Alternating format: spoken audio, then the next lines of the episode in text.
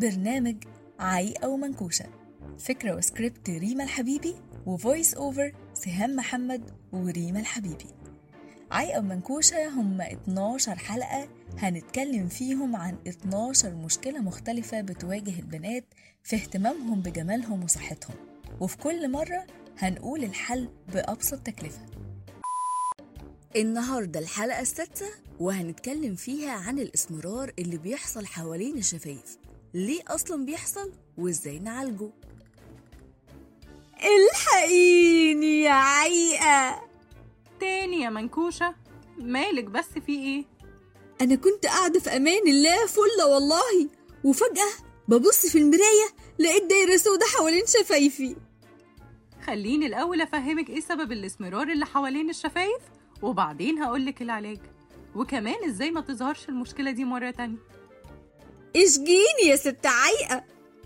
الاسمرار ده بيكون نتيجة الجفاف وده لأنك ما بتشربيش مية كويس أو إنك حتى ما بتحطيش كريم ترطيب قبل النوم.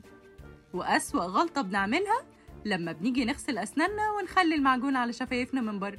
فللأسف الجلد بيسمر. طب والحل يا عيقة؟ بصي يا منكوشة هتجيبي معلقة صغيرة كركم وتخلطيها بمية ورد وتحطيها حوالين الشفايف لمدة عشر دقايق.